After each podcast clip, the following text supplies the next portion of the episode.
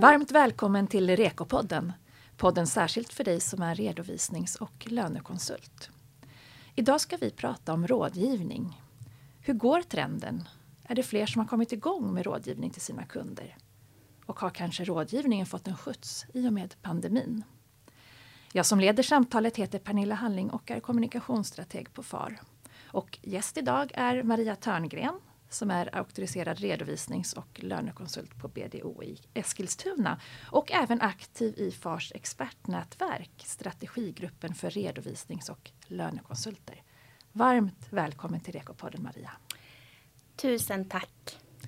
Och som vanligt har jag också med mig Camilla Karlsson som är auktoriserad redovisningskonsult på FAR. Välkommen du också Camilla. Tack så mycket. Maria, det är ju andra gången som du gästar oss här i Rekopodden. Och förra gången pratade vi om, också om rådgivning, men då lite ur perspektivet att det är ett lite läskigt område som många kanske drar sig lite för att ge sig in i. Hur eh, upplever du nu? Är det fortfarande ett laddat område?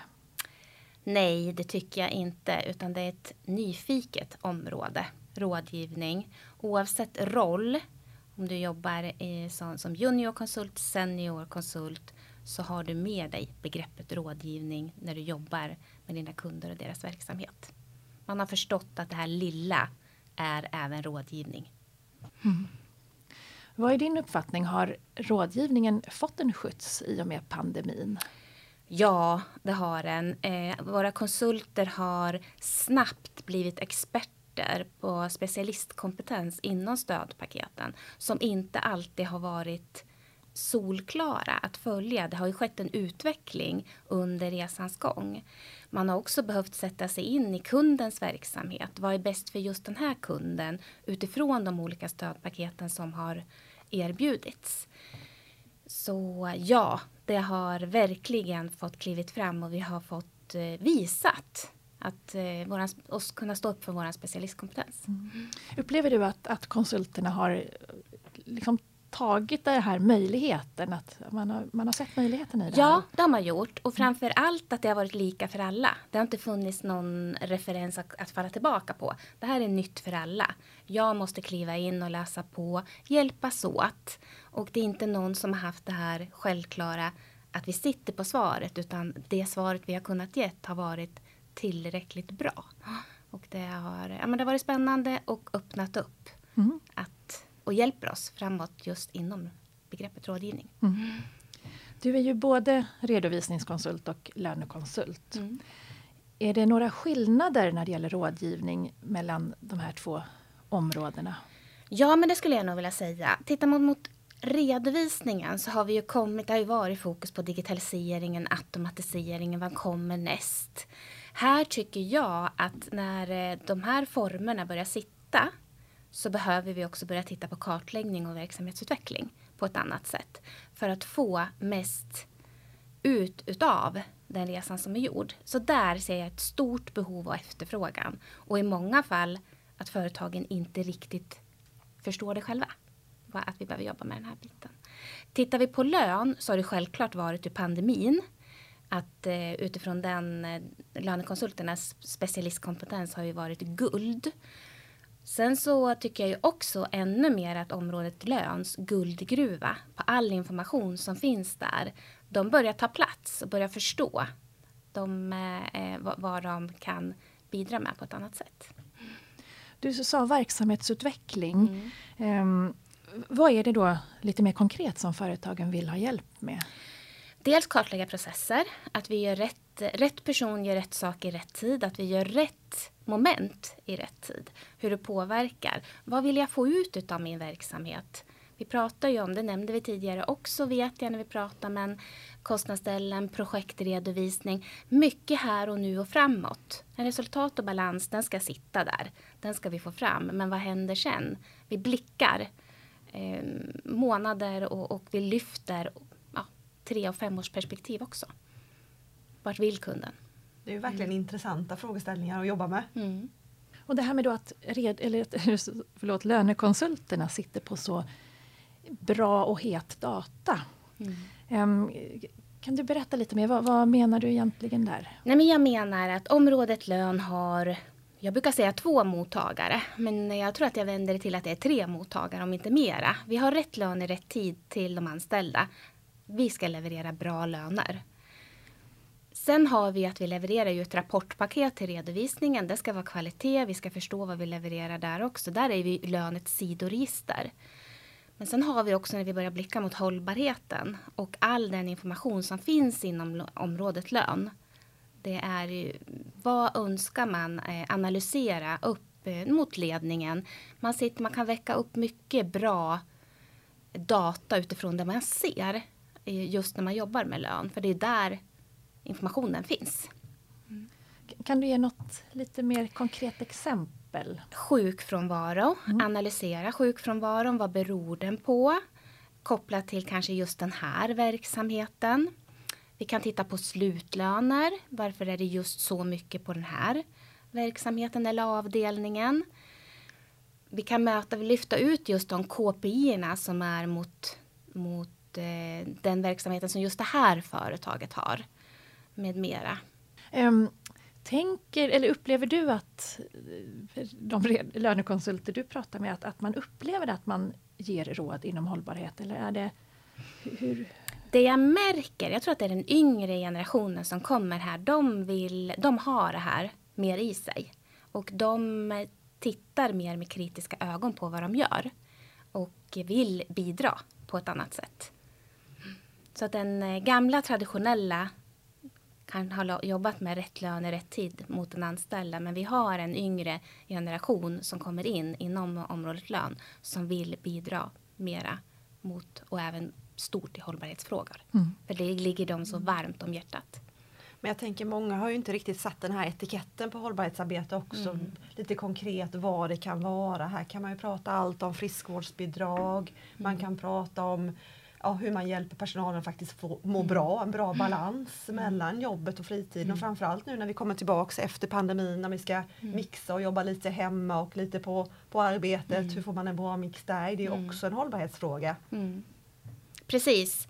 Och just hållbarhet det är ju allas ansvar här och nu. Och på, på hur kan jag bidra vad jag gör och vad jag ser. Det, det ligger ju, det är ett måste i, i, i nuet och framgent. Mm. Men klart det är stora frågor. Mm. Som är väldigt nära oss. Mm. Nu tänkte jag, nu ställer jag en fråga till er båda så får ni ta bollen eller ja, den som tar den första. På säga. Mm. Om man ska spana lite framåt, hur, hur ser framtiden ut för redovisnings och lönekonsulter? Vad är det för frågor, vad är det för områden, vad, vad händer? Nej, men jag tycker att eh, det är såklart rådgivning begreppet rådgivning, där är vi nu tycker jag. Och vi pratar om, jag är mycket för det här att prata med verksamhetsutvecklingen, att, bli, att blicka framåt tillsammans med kunden. Och vill säga, det har ju med att göra den digitala resan, automatiseringen är här. Men vad kan vi konsulter tillsammans med kunden bidra framåt? Den måste man ha det mänskliga bemötandet i. Så det blir viktigt. Pratar vi om lönekonsulterna, det har vi också nämnt här. Eh, det ska sitta med att vi levererar bra löner. Men här gäller det ju att kliva fram och jag som konsult har ett ansvar i varje uppdrag jag jobbar med, varje kund, att kunna vara nyfiken på verksamheten och kliva fram på det jag ser och se att vi, vi tar fram den här datan, det kommer generera ett mervärde för dig i andra frågor. Och sen märker man ju också att företagen behöver det här bollplanket. De behöver ha någon att hålla i handen i de här processerna som du var inne på. För det här är stora frågor också även för företagarna där ute. Eh, och här har vi en otrolig erfarenhet. Så att eh, helt övertygad om att vi kan göra mycket här och ännu mer än vad vi gör idag. Och framförallt när du säger så, det är att våra företagare lever med sitt företag 24 timmar om dygnet. Man behöver hjälpa dem att vidga blicken. Man behöver hjälpa dem att frigöra tid för de kör på i sitt, sitt hjul. Att stanna upp, vi kliver två steg tillbaka och vi gör det här framgent mm. istället. Vi var inne på digitalisering, automatisering. Ehm, men vad innebär det här egentligen för yrkesrollerna redovisningskonsult och lönekonsult? Ja, men det innebär ju, det är så intressant det här, för att du ska kunna systemkunskaperna, att det ska kunna sitta. Vi pratar om digitaliseringen, automatiseringen. Vi har ju också lagar och regler att förhålla oss till. Vi måste ju kunna kvalitetssäkra det jobbet som vi har satt i våra digitala processer och inte falla, falla bort från det på något sätt. Men det gör ju också att vi får ju tid över till att jobba med mer utveckling tillsammans med kunden. Så det måste ju öppna upp ett eh, nyfikenhet, eh, intressera oss för våra kunder på ett annat sätt skulle jag vilja säga. Vi ska veta, sätter jag mig och jobbar med ett uppdrag med en kund så ska jag veta vad är det här för verksamhet och vad, vad just det här jag gör. Det finns ju alltid ett varför och därför men att kunna vidga blicken också framgent. Men när du just säger det här, känner man inte då också att vi faktiskt ökar värdet på våra tjänster? För då har vi en helt annan Mm. möjlighet faktiskt att höja värdet på våra tjänster och Mm. framförallt få rätt betalt för våra tjänster också, kunna paketera dem snyggt. Precis. Mm. Mm. Och det här med betalning, nu när du ändå tog upp den bollen Camilla, är det vad ser du för utmaningar där Maria, att, att ta betalt för tjänsterna när det går lättare Ja, att göra det, dem? vi måste ju också stanna upp här ibland och kanske kliva ett steg bakåt och tänka att det är en affärsrelation. Vi måste våga ta betalt värdet för våra tjänster för det vi gör. För det är specialistkompetens som vi levererar, som vi ska vara stolta över. Vi vet vart man ska knacka för att få ut det vi vill få ut. Eh, så- den, eh, och jag menar transaktionsbaserade prissättning, lön är ju långt fram. Tar, tar betalt på det sättet. Det blir inte, det blir rätt så klar och tydlig fakturering på de kunderna. Men mot eh, just våran rådgivning och hur vi tar betalt där vill jag bara summera att vi ska vara stolta över den fakturan vi skickar iväg på våran, vad vi har levererat. För det är mycket kunskap Mm. som man har bakom sig när man faktiskt levererar de här tjänsterna som är kopplade till rådgivning. Mm. Mm. Det krävs mycket utbildning innan, det krävs att ha testat på ett par kunder. Så Mm. att man ska inte underskatta de delarna där. Nej, och det är väl samma där som andra, värdet, inte tiden. Precis. Ja, helt, Mm. helt rätt. Mm. Men kan vara svårt förstår jag. Ja, det kan det vara svårt. Det kan det vara svårt. Men jag tycker väl utifrån man ser pandemin och det man har fått klivit fram och blivit specialister inom. Det har ju hjälpt våra kunder, hjälpt företagarna mycket i deras resa. Och allt har inte varit så enkelt för dem att sätta sig in i, i de olika paketen. Och Nej. vad det innebär just för mig och mitt företag. Och vad som är bäst för mig nu och framöver också. Ja, det är väl ett arbete som fortfarande pågår. Ja, ja, ja. Ja. Mm. Och speciellt nu också när det börjar sätta fart. Mm. Mm. Ax lika viktigt här. Ja, man får ju inte glömma bort de här bitarna och de här reglerna vi har gått under heller så att man faktiskt har med sig dem när man blickar framåt. Mm. Mm. Eh, är, är robotarna på väg in i branschen? Ser vi en armé av robotar som tågar in? Ja, det gör vi väl eh, på ett eller annat sätt. Och hur ser den här roboten ut i så fall och vad gör hen? Eh, Den här lilla roboten, jag tycker de är väldigt söta de här små robotarna som är inne och jobbar. Nej, men de, eh, de stämmer av, de granskar, de ger förslag på kontering, de jämför, de analyserar. Ja, jag tycker att den utvecklingen är superspännande att följa. Och när man ser någonting som jag har suttit och jobbat med man, man ska inte säga att det är manuellt, men jag får det ju färdigt ifrån att roboten faktiskt går in och gör det här jobbet åt mig. Och man kan jämföra tidsbesparingen med vad roboten gör. Och det Mm. bästa är väl att de jobbar när, man, när du har gått hem från jobbet. Precis, de anammar ju, det är ju mer det här precis som företagare 24 timmar om dygnet, men de kan få jobba när vi andra sover. Och så har vi ett eh, resultat som vi kan analysera när vi startar upp på morgonen. Mm. Och så kräver de ingen lön heller. Nej, Nej. Eh, inte, vad jag, inte vad jag har sett i alla fall. Precis. Camilla, eh, skulle du kunna berätta lite om det här pilotprojektet som FAR har kring RPA? Eh, Robotic Process Automation för. Absolut. Eh, just det här att det kräver ju inte betalt men det kan ju vara att det faktiskt kostar att investera i en sån här robotlösning. Eh, så vi håller på tillsammans med Bots och eh, utvecklar en tjänst. Vi har fyra medlemsbyråer som tittar på det här och faktiskt ser att vi ska kunna hitta en, en lösning som sen kan bli tillgängligt för alla våra medlemmar att kunna köpa med hjälp av en medlemsförmån. Då. Och tanken är ju här att man ska frigöra tiden och ska jobba som Maria säger när vi har gått hem och eh, faktiskt dra nytta utav den här robotiseringen. Och det är ju verkligen superkul att vi på FAR kan vara med och bidra till det här tycker jag kring verkligen digitalisering och automatisering. Det, det är viktiga frågor. Mm. Eh, Så håll utkik här under hösten så hoppas vi att det här kommer finnas en, en tjänst som är färdig Det paketerad. kommer nu under hösten menar du? Ja, vi jobbar med workshops och vi är mitt uppe i den här processen här och nu så att eh, ja, Så den kan bli tillgänglig för alla byråer som vill? ja vill. absolut. Mm. Så att, eh, det är superspännande men eh, ni får följa oss på far.se och andra kanaler där så får ni mer information löpande. Kanske en podd? Vem vet? Vem vet jag? Ehm, om vi ska återvända till det här med hållbarhet, för det är ju faktiskt ja, Tråkigt att säga det, men det är ett väldigt hett ämne. Jag vet inte hur man ska uttrycka det. Klimatfrågan inte minst.